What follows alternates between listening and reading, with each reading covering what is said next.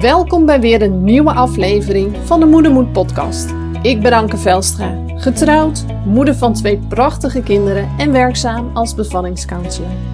De geboorte van je kind is een van de meest bijzondere dingen die je kunt meemaken in je leven. Een ervaring die je leven voorgoed verandert en je hele leven zal bijblijven. Juist daarom is het belangrijk dat je met een goed gevoel op je bevalling kunt terugkijken. En dat is ook wat ik iedere vrouw gun. Helaas is bevallen niet voor alle vrouwen één grote roze wolk. En als er één ding is wat deze vrouwen met elkaar gemeen hebben, dan is dat dat ze zich enorm eenzaam voelen in hun ervaring. Met de Moedermoed podcast wil ik voor deze vrouwen een plek van herkenning creëren door het delen van verhalen van moedige moeders over bevallingen die anders liepen dan verwacht. Expert-interviews en tips en inzichten vanuit mijn werk als bevallingscounselor en als ervaringsdeskundige. Ik wens je veel luisterplezier, herkenning en mooie inzichten toe.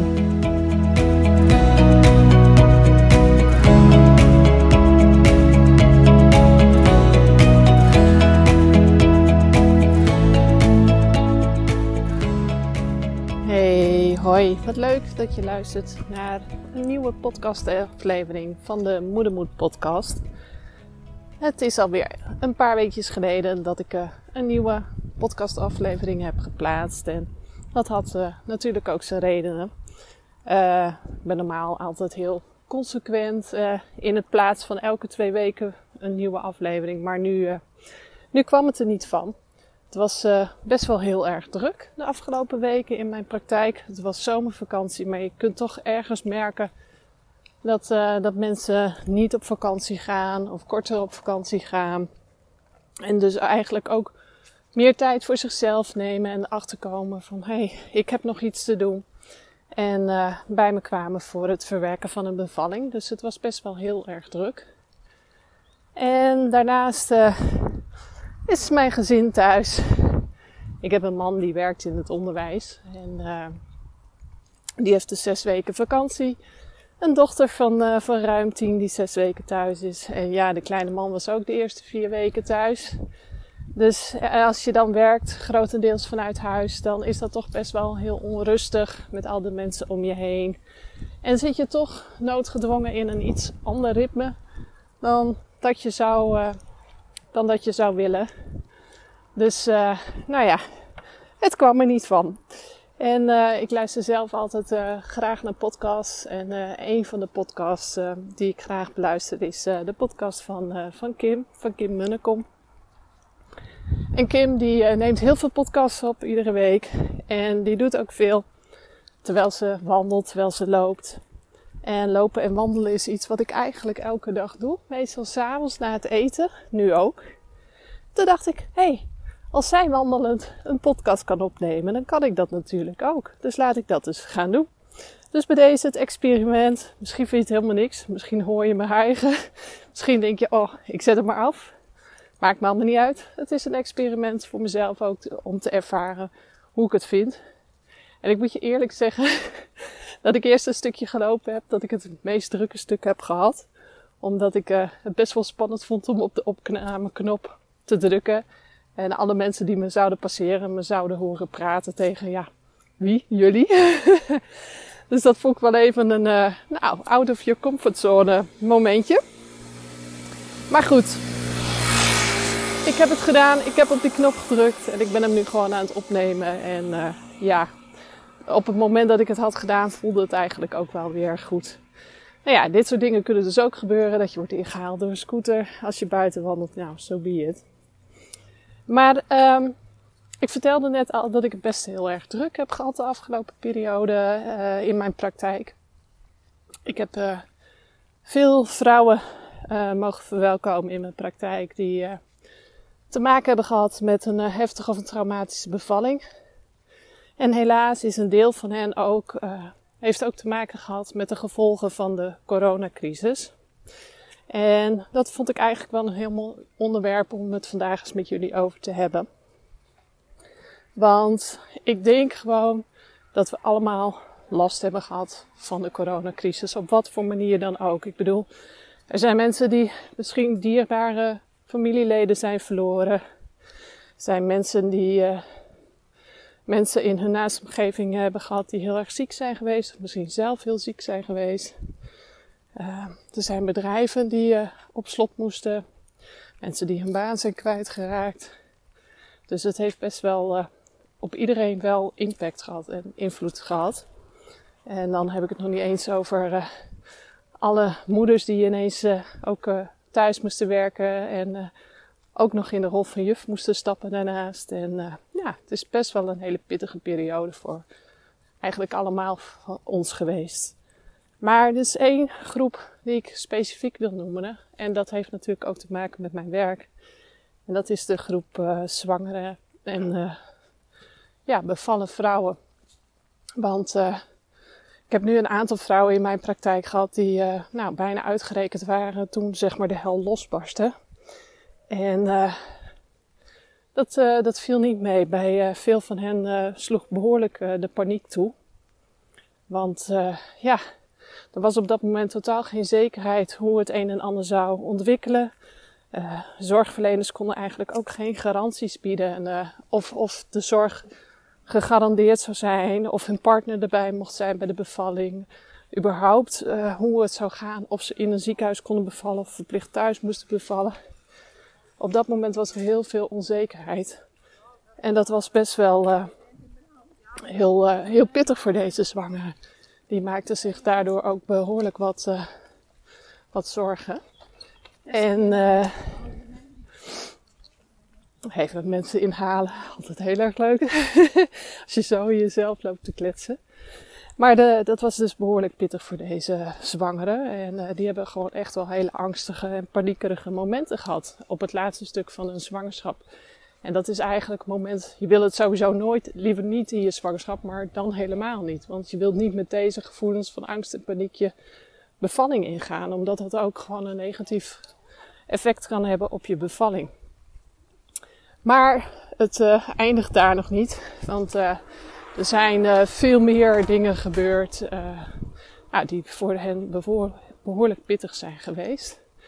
En dan heb ik het dus over nou, extra zorgverleners die niet aanwezig mochten zijn. Met name extra personen zoals een doula die niet aanwezig mocht zijn. Terwijl de meeste vrouwen die kiezen voor een doula doen dat niet zonder reden. Daar zit een, een hele ja, er zit een motivatie achter waarom die vrouwen kiezen voor een doula. En heel vaak hebben ze al een eerdere ervaring gehad die niet zo heel positief was. Dus uh, een hele bewuste keuze gemaakt om het nu anders te doen. En ja, eigenlijk uh, wordt hen uh, dat ontnomen. Geboortefotografen die er niet bij mogen zijn. Een eigen verloskundige die niet naar het ziekenhuis mag. Maar het gaat nog wel veel verder dan dat. Ik weet van één cliënt eh, die uh, haar gynaecoloog had gezegd van uh, misschien moet ik je nu maar gaan inleiden.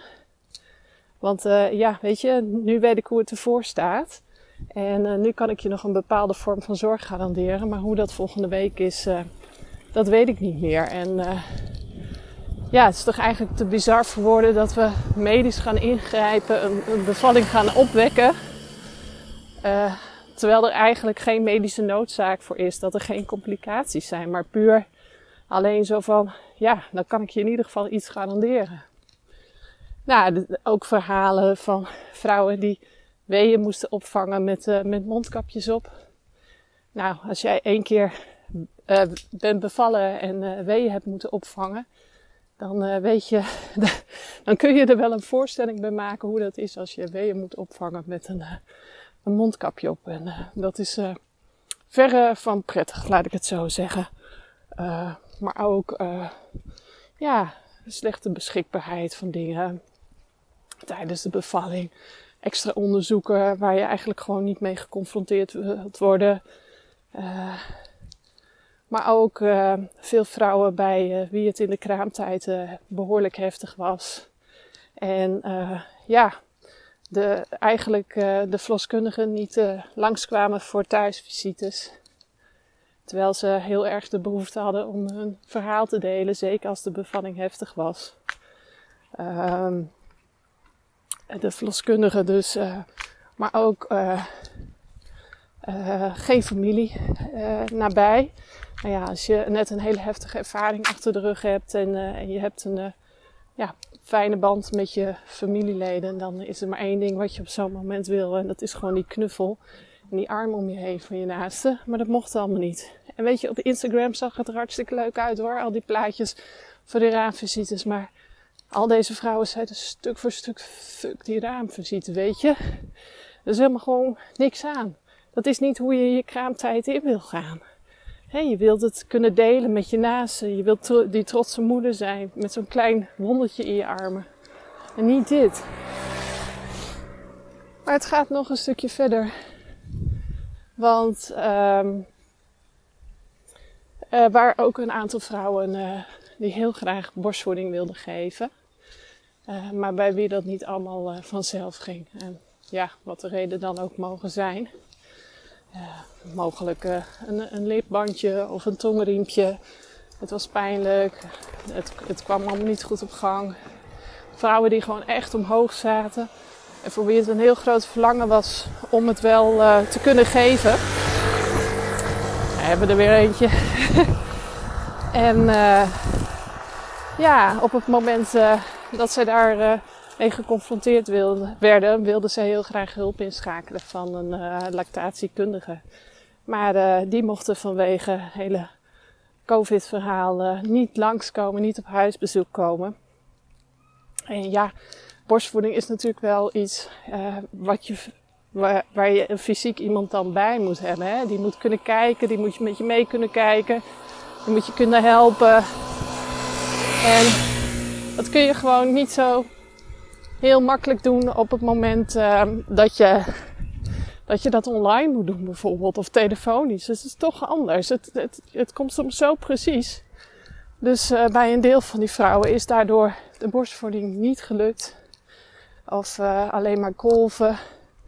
En nou, daar zit gewoon best wel heel erg veel pijn.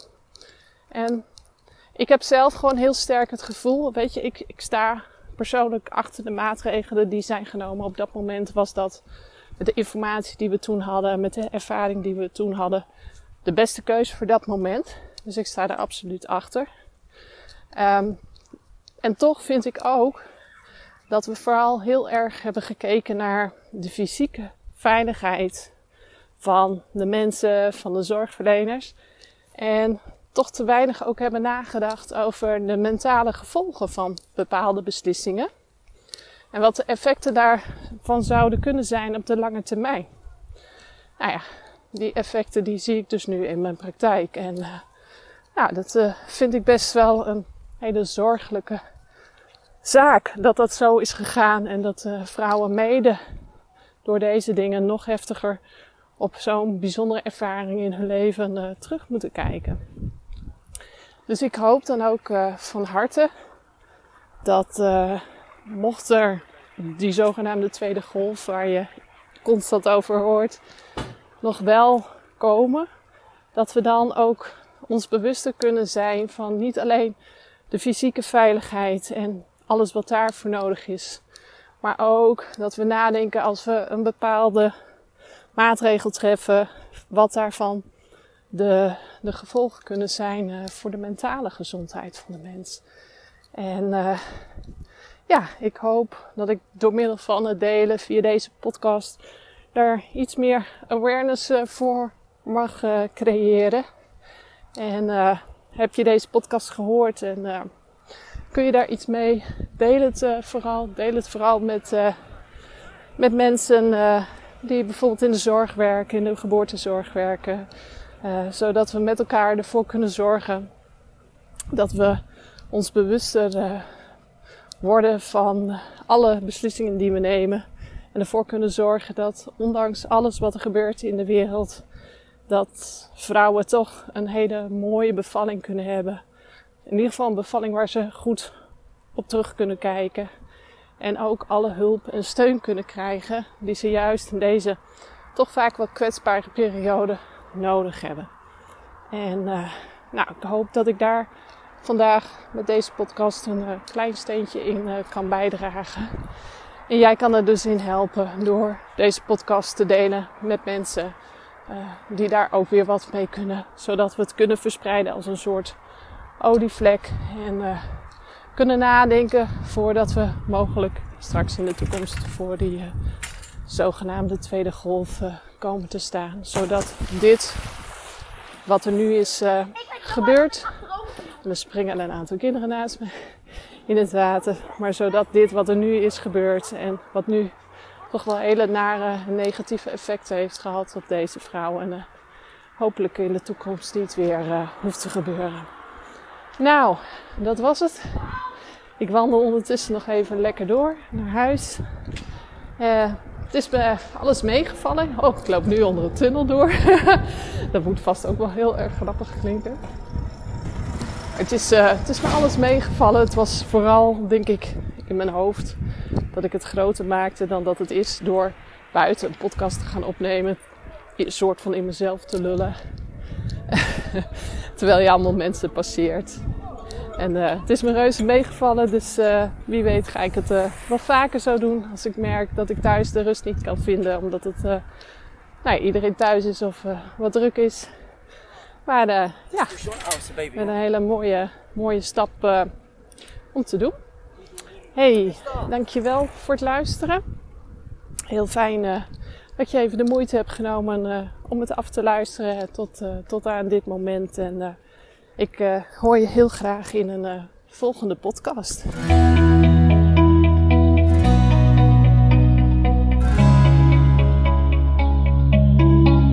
Heel erg bedankt voor het luisteren naar deze aflevering van de Moedermoed podcast. Vond je deze aflevering interessant en waardevol? Maak van deze podcast dan geen goed bewaard geheim. Bijvoorbeeld door een screenshot te delen via social media of stories en mij daarin te taggen, of door een review achter te laten op Apple Podcasts. Daardoor wordt de Moedermoed podcast nog beter gevonden en kan ik zoveel meer vrouwen bereiken en ondersteunen die zich nu eenzaam voelen in hun bevalervaring. Dankjewel alvast en heel graag tot de volgende podcast.